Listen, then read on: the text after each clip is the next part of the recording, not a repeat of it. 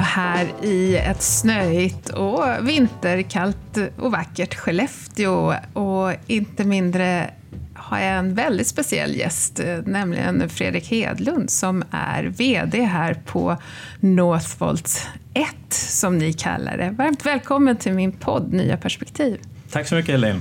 Kul att vara här. Ja, det var kul att få byta plats. Jag brukar ju spela in de här poddarna i, i Umeå i vanliga fall, men nu sitter vi här på kommunhuset i Skellefteå. Det är din hemmaplan, inte kommunhuset, men Skellefteå.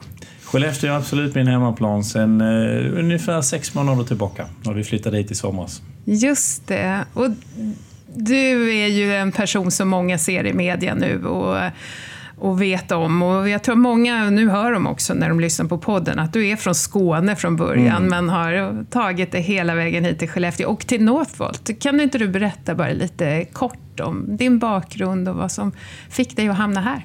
Absolut, det gör jag jättegärna. Eh, vi, vi har faktiskt en familjekoppling till Västerbotten i grund och botten. Där min fru hon är född och uppväxt i, i Västerbotten, i Lycksele. Mm -hmm. Så hon är ju lite grann av en hemvändare så här 30 år senare. Flyttat mm. ifrån och kommer tillbaka. Eh, och det innebär också att vi har ju haft släkt här hela tiden. Så Västerbotten är inte nytt för mig, men det är första gången vi bor här. Mm.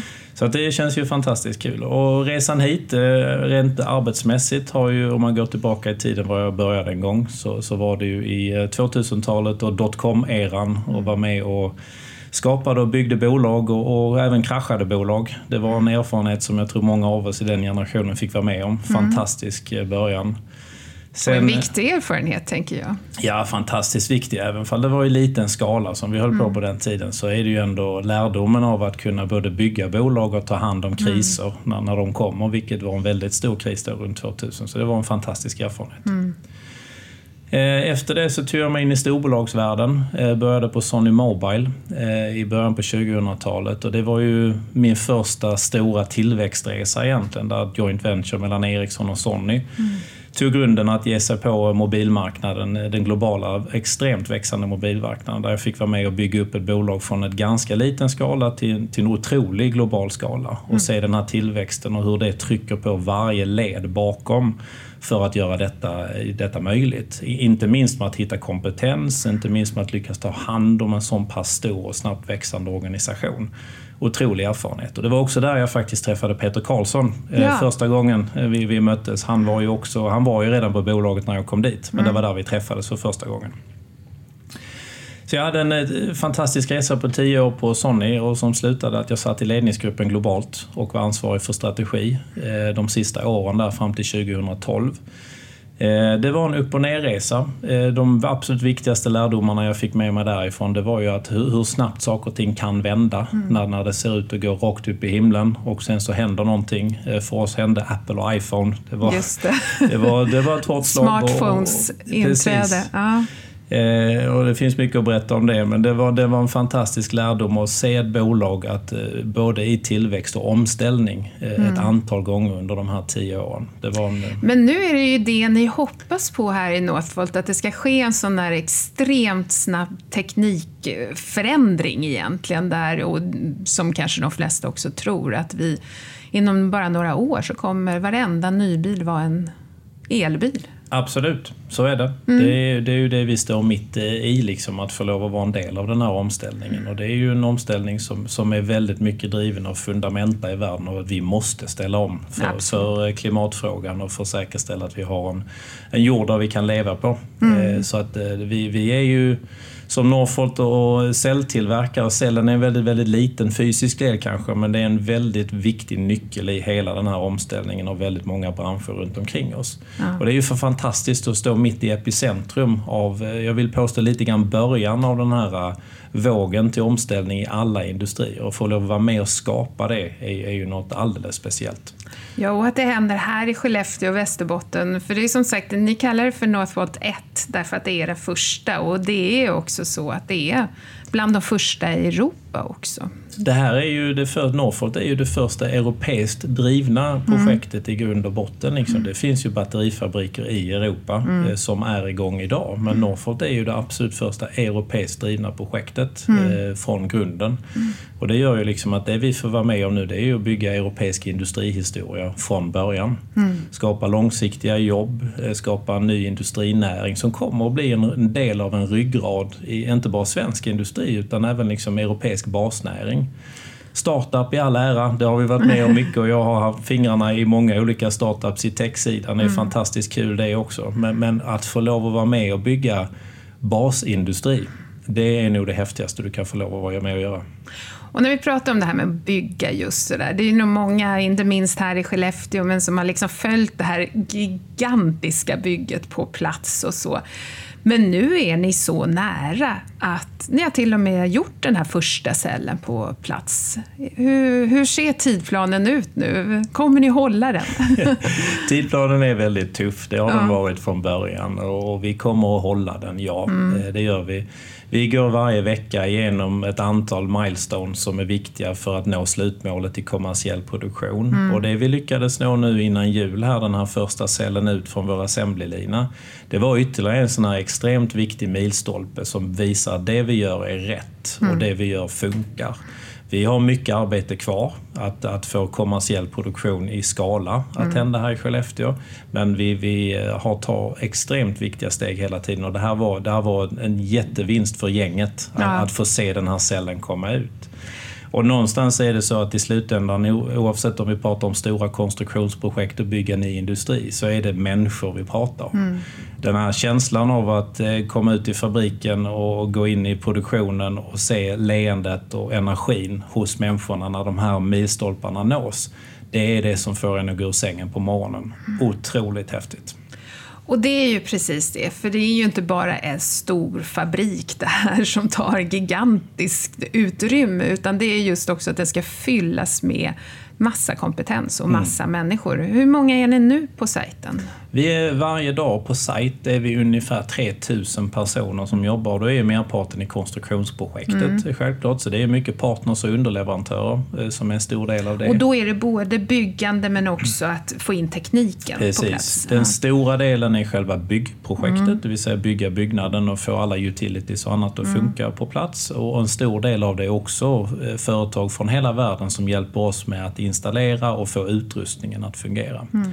Och vi är väl ungefär idag 500 personer från Northvolt, alltså Northvolt-anställda på mm. plats. Och det kommer lite mer än att dubblas de närmsta 10 månaderna från nu. Så vi är ganska snabba. Vi anställer 20-25 personer i veckan. Oj, oj, oj. det är en, det är Jag kan tänka mig att er HR-avdelning har rätt mycket att göra. De har mycket att göra, men de är också fantastiskt duktiga på att hitta kompetens över hela världen. Så än så länge så, så har vi liksom lyckats, eh, lyckats, eh, vill jag påstå, bygga ett extremt starkt team även här uppe. Mm. Inte bara i Northvolt och, och över, överhuvudtaget. Nej men precis, och det är ju, för det är ju den nästa stora frågan. Hur ska man liksom få fatt på alla dessa människor som, som ska jobba här och, och få dem att flytta till Skellefteå? För vi ser ju här nu hur Skellefteå lever upp och det är inte bara er sajt som byggs, det byggs bostäder också. Mm. Men, men vi vet att det är en trång sektor. Och hur, hur tänker ni när det gäller att den samhällsomvandlingen ska ske också vid sidan av klimatomställningen? Tillväxten har det lite, lite olika perspektiv på det. Jag menar, om man tittar på batteribranschen som sådan så har ju inte den en jättelång historik i Europa. Så det är ju inte så att vi kan gräva i spannar med kompetens som har byggts upp över tid. Så vi måste ju också där ta ett väldigt stort ansvar för mm. att vara med att eh, omskola och utbilda folk. Så vi har ju ett väldigt nära samarbete både lokalt och regionalt men även nationellt för att titta på utbildningsinsatser, hur vi kan säkerställa att kompetensen faktiskt finns. Inte bara antalet människor utan att rätt kompetens för att bygga mm. Northvolt och köra fabriken mm. finns. Så kompetensfrågan är väldigt mycket en utbildningsfråga. Mm.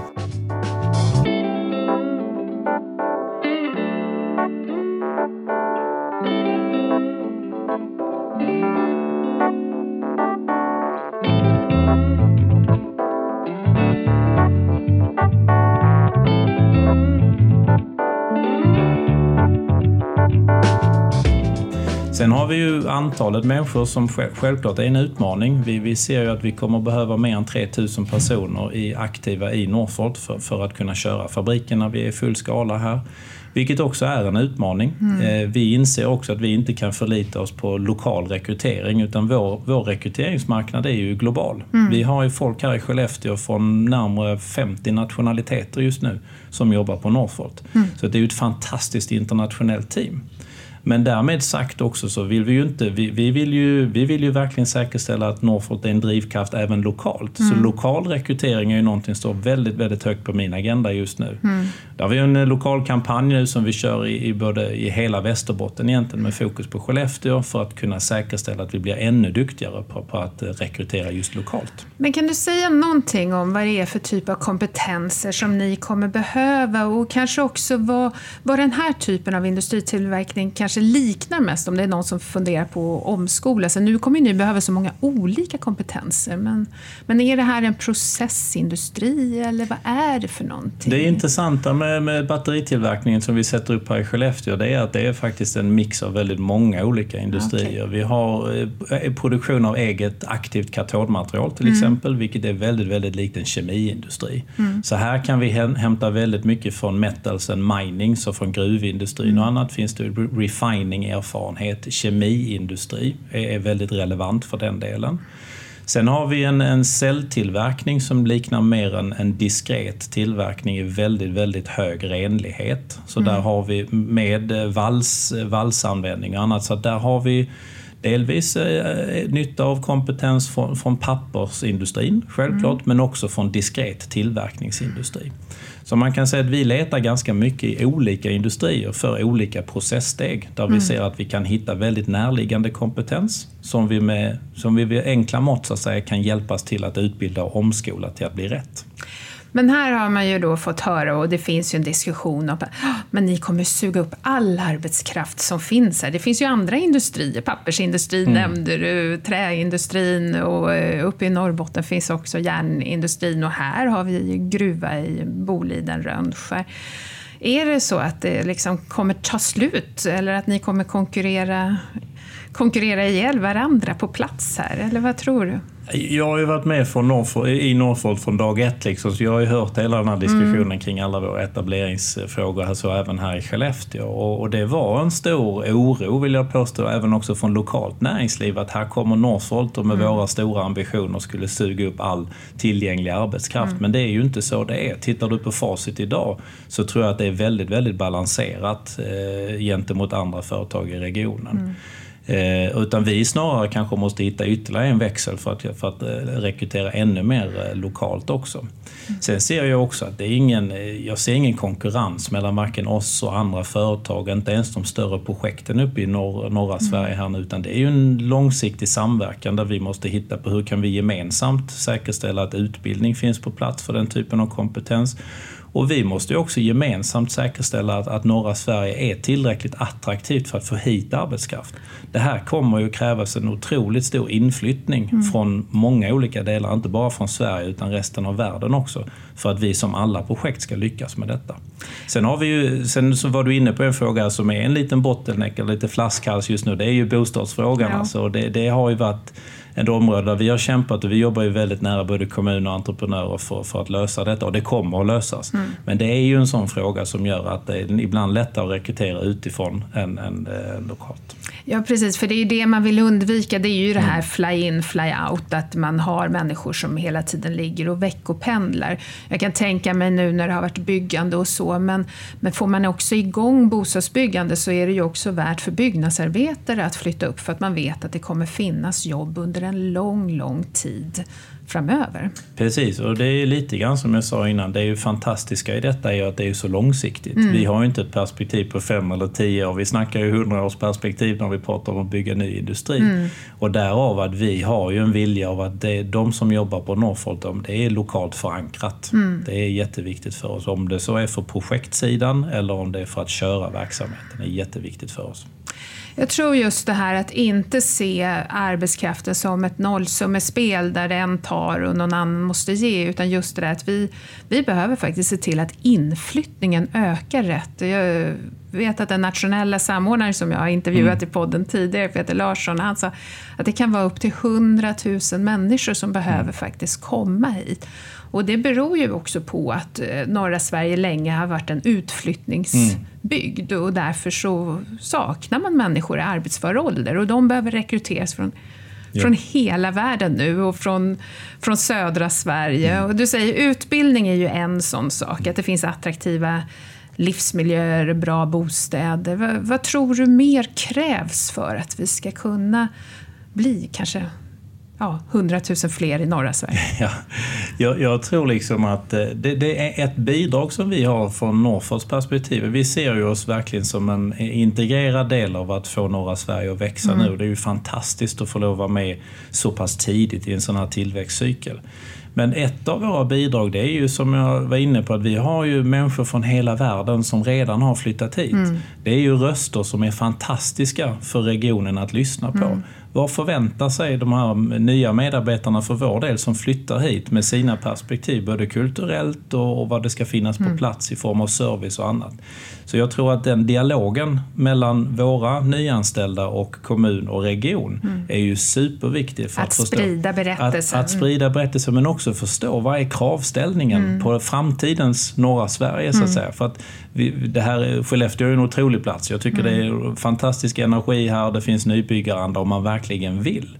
Men det kommer att bli jättespännande att se hur Skellefteå och om, om bygden runt omkring kommer att se ut om tio år. Ja. När vi har lyckats omvända detta till liksom en, en internationell metropol. Mm. Det kommer att vara hur häftigt som helst att få vara med om.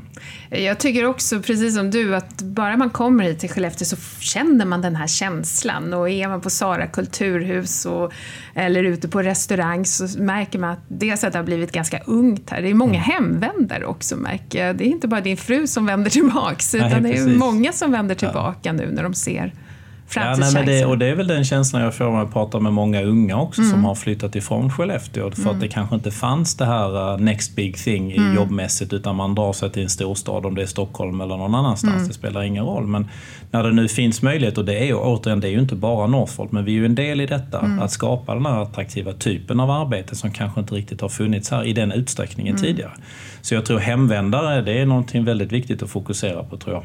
Ja. Och jag har hört det, Skelleftebor, att de älskar sin stad men de mm. förstår inte riktigt alltid varför andra vill komma hit. och det är det de behöver lära sig ja. nu. Varför vill andra komma hit? Men jag, jag tänker ändå lite på det här med med konkurrensen och arbetskraften, som du sa, det är mycket internationell arbetskraft. Det finns ju nu ett fenomen där vi också ser hur arbetslivskriminaliteten, organiserade brottsligheten, Polismyndigheten här har sagt att oj, det här går fort. Vad kan ni som företag göra för att liksom stävja det här med arbetslivskriminalitet eller att inte göda den organiserade brottsligheten, eh, framförallt den ekonomiska brottsligheten nu när det växer så snabbt här? Det vi ser är ju självklart det är ju branschproblem som har funnits under väldigt, väldigt lång tid och mm. som självklart, som du säger, flyttar ofta med stora projekt och när det skalas upp i en viss region. Så det här är någonting vi är extremt varsa om och väldigt, väldigt måna av att jobba förebyggande med. Och det, det, vi kan göra det är ju att vara öppna och transparenta med, med våra planer och hur vi jobbar. Mm. Det vi gör är att vi har ett extremt nära samarbete både med kommun och myndigheter och polis och alla berörda myndigheter egentligen för hur vi gemensamt kan säkerställa att inte den typen av oegentligheter får fotfäste tidigt. Mm. För vi vet ju också att vi är ju först ut här uppe som storprojekt och, och, och, och vi vill ju verkligen säkerställa att vi kan ta och hjälpa till från början att det inte får fäste. Så mm. det här är någonting jätteviktigt där vi jobbar väldigt intensivt med, med både kommun och myndigheter för, för att stävja tidigt. Mm. Jag tror att det där är väldigt, väldigt viktigt. För det är som du säger, det flyttar ju ofta med i de stora projekten och där man ser de stora pengarna. Jag tror det är Norrbottens handelskammare har ju sagt att det är tusen miljarder som ska investeras i norra Sverige bara i industriprojekten. Mm de kommande decennierna. Det är ju hisnande mycket pengar. Och sen kommer då hela samhällsbygget Precis. till. Ja.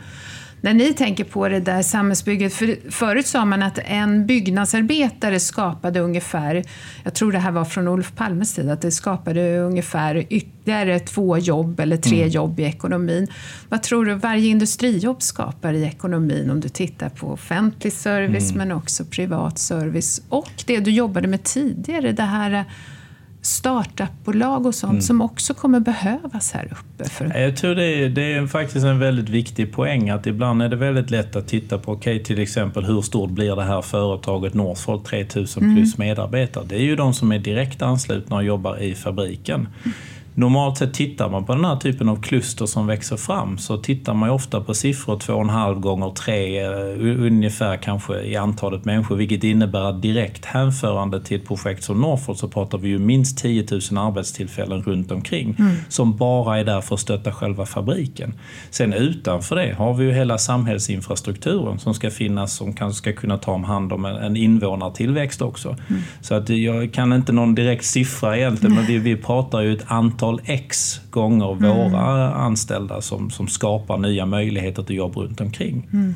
Och, och sen tror jag liksom inte bara att det är antalet jobb utan vad vi ser också det är ju att vi behöver hitta ett sätt att få igång den här innovationskraften mm. kring elektrifiering för vår del, som är ju det vi brinner för när vi vaknar på morgonen.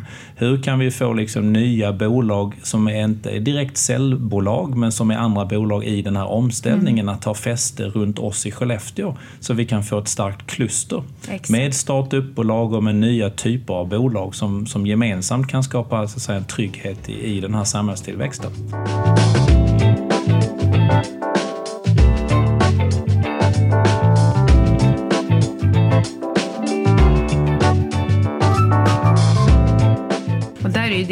Bakgrund jätteviktig för att just prata om hur viktigt det är att vi också får upp det här riskkapitalet som ska vara med och se till att, att de här kommer på plats och att vi skapar det här hela kunskapsklustret. För det, det tror jag också är en sån här sak som finns i norra Sverige, att man, man är ganska van att vara råvaruleverantör och mm. att vara liksom tillverkare och så. Men sen är det just det där att ska det här bli långsiktigt så behöver vi människorna, men vi behöver också den kunskapssektor som är kopplad, som handlar om forskning, utveckling, Precis.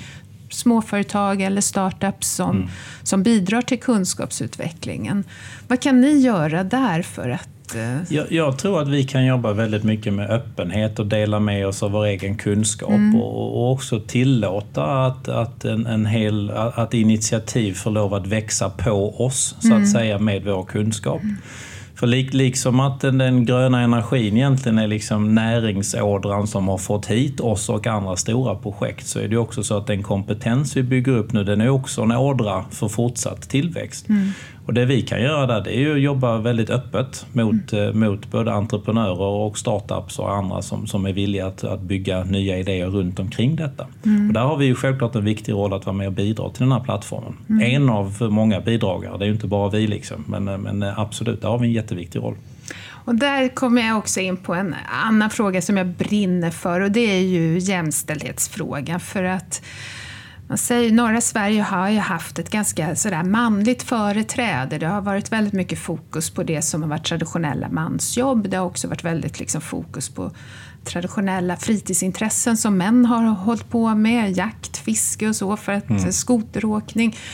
Eh, men ska vi bygga upp det här nya samhället och, och attrahera människor hit så behöver vi ju kvinnor och kvinnors kompetens och kvinnors företagande också. Hur jobbar ni med jämställdhetsfrågan, både när det gäller rekrytering men också det här att lyfta fram kvinnors kompetens eh, som en del i att skapa den här attraktionskraften? Vi är ju väldigt angelägna om att från ett rekryteringsperspektiv jobba för att det ska vara 50-50 i fabriken. Det är ju mm. ett långsiktigt mål vi har. Mm. Eh, sen ibland, precis som du säger, så har man ibland svårigheter utifrån vad man har för förutsättningar att jobba med det. Men det, det råder inga tvivel om att det är målet. Liksom. Mm. Och det är ju vad vi kan göra är självklart i rekryteringsmässigt men sen handlar det också om vi som organisation jobbar. Där är ju Peter extremt eh, tydlig också att vi pratar om jämställdhet i alla led. Vi pratar om jämställdhet i rekrytering och, vad, vad det gäller drivkraft i mm. bolaget. Så det är, det är ju någonting vi brinner starkt för, men i slutändan handlar det om att leverera. Mm. Målen är extremt tydliga. Nu, nu mm. handlar det för oss att visa att vi kan gå från ord till handling. Liksom. Och tittar vi på, på, eh, på siffrorna so far så tror jag vi är ungefär 30 procent eh, kvinnor här. Mm. Eh, är vi nöjda? Nej, absolut inte. Men det är ju det är ett långsiktigt arbete. Och det är ett arbete som vi måste göra alla tillsammans, tänker jag här här. Det är ju, för att jag har också hört den här forskningen att när en familj bestående av man och kvinna fattar ett flyttbeslut, då, då har kvinnan en ganska stor mm stort inflytande över, över det beslutet. Så det är ju otroligt viktigt att det, det också är klart att det finns jobb för båda i, i en familj. Ja, och det, och det är ju en, det är en superviktig fråga i hela vår rekrytering som med medföljande. Och det kan vara en medföljande kvinna men det mm. kan också vara en medföljande man. Det är ju både och. Liksom. Mm. Men där är också en, en, annan viktig plattform som vi måste säkerställa att den finns. Mm. För att, jag menar, att flytta hit till Skellefteå, det är ett beslut för många. Mm. Eh, som man kanske inte hade funderat på igår innan det dök upp ett jobb. Liksom. Och där måste vi också säkerställa att hela communityn och sammanhanget runt omkring står redo att hjälpa till. Mm. Att det finns alltid, en, oftast en medföljande i en eller annan form som, som också behöver mm. ett jobb. Att, att skapa det nätverket är en jätteviktig del av vår rekrytering också. Ja, precis. Och att komma in i den här mm. sociala gemenskapen när man flyttar till... Vi är inte så flyttbenägna i, i Sverige faktiskt. Vi, framförallt så byter vi väldigt ogärna landsände. Min hemregion där jag kommer från, Stockholm, då brukar man säga att det är, där är det till och med om du flyttar mellan södra och norra Stockholm, så säger man att det är vanligare för en stockholmare att flytta utomlands mm. än att byta sida av stan. Ja. Så vi är väldigt... Men ni tog ju ändå den här flytten nu. Vem var det som bestämde hemma hos er? Ja, alltså jag tror att eh, vi, vi... Eh, jag är ju självklart extremt eh, i grund och botten hjärtat med Northvolt eftersom mm. jag har varit med från början. Så att vi flyttar ju självklart... Projektet har ju varit en drivkraft att flytta hit, det är ju uppenbart. Jag, började med, med att pendla de första tre åren från Lund i Skåne mm. till Stockholm. Det är en min ganska fru, bra bit. Min fru sa från början att eh, nej, du vet Stockholm flyttar jag inte till. Vill du göra det här så får du flytta dit själv. Jag stannar här med barnen i Lund. Eh, men då sa jag vid något svagt tillfälle så sa hon så här, ja men du vet Skellefteå, om det blir tal om det, då flyttar vi dit. Och när frågan kom så hade hon inte mycket att invända helt enkelt. Att, Men hon hade också sina rötter här? Ja, hon har sina rötter och det är ju fantastiskt för hennes pappa nu som, som bara bor två timmar härifrån och för första gången i sitt liv ja, får ha barnen så, så nära. Mm. Liksom. Det är ju, i, I Norrland är ju två timmar som att vara granne. Ja, att, exakt. Vi kan säga det, just när det gäller avstånden här uppe, mellan orterna är det ganska långa avstånd, mm. det måste jag ge er. Men däremot inom orterna så är det ganska nära Absolut. allting och det tycker jag ger livs livskvalitet. Det var säkert det din fru uppskattade i Lund också. Att det är Absolut, liksom en ja. Ja, behändig stad. Ja. Och det tycker jag, det är ju Skellefteå i allra högsta grad, mm. även om det växer fort. Ja. Så jag... Norrfoltresan har gått från Stockholm och vi var nere i Tyskland i ett och ett halvt år och sen fick vi lite abrupt flytta hit. Men nu, nu är vi här för, för att göra underverk tillsammans med Skellefteå. Ja, vad härligt. Och då kommer jag till min avslutande fråga. Vad, vad är det bästa med Västerbotten du har upplevt så här långt i din eh, resa? Vad är det du skulle dela med dig om du skulle få en annan skåning att vilja flytta hit? Upp? Jag tror det går tillbaka till, till öppenheten och, och viljan som vi kände när vi gjorde den här eh, selection-processen och hamnade här. Att det finns liksom en, en fantastisk drivkraft och det finns inget tak för vad som är möjligt. Mm. Eh, det fanns en förmåga att sätta sig in i vad som skulle kunna krävas för detta som var outstanding om du jämförde med många andra. Och jag tror det, det känner jag också med mycket av människorna jag träffar här. Det mm. finns en väldig öppenhet. Det, folk stannar och pratar. Eh, det finns en, en vilja av att integrera, upplever jag. Eh, och det finns framförallt en drivkraft och en tro mm. på att det här, alltså Skellefteå kommer att bli ännu större och ännu bättre än vad det är idag. Och att man vill vara med på den resan. Så att det, det, jag tror det är just det här att det finns en öppenhet och en drivkraft. Det gillar jag. Mm. Det, det, är inte som att jobba i motvind, det är absolut medvind. Ja, vad härligt. Stort tack för att du ville vara med på min podd. Kul att vara här, Ellen. Tack för att du bjöd in mig.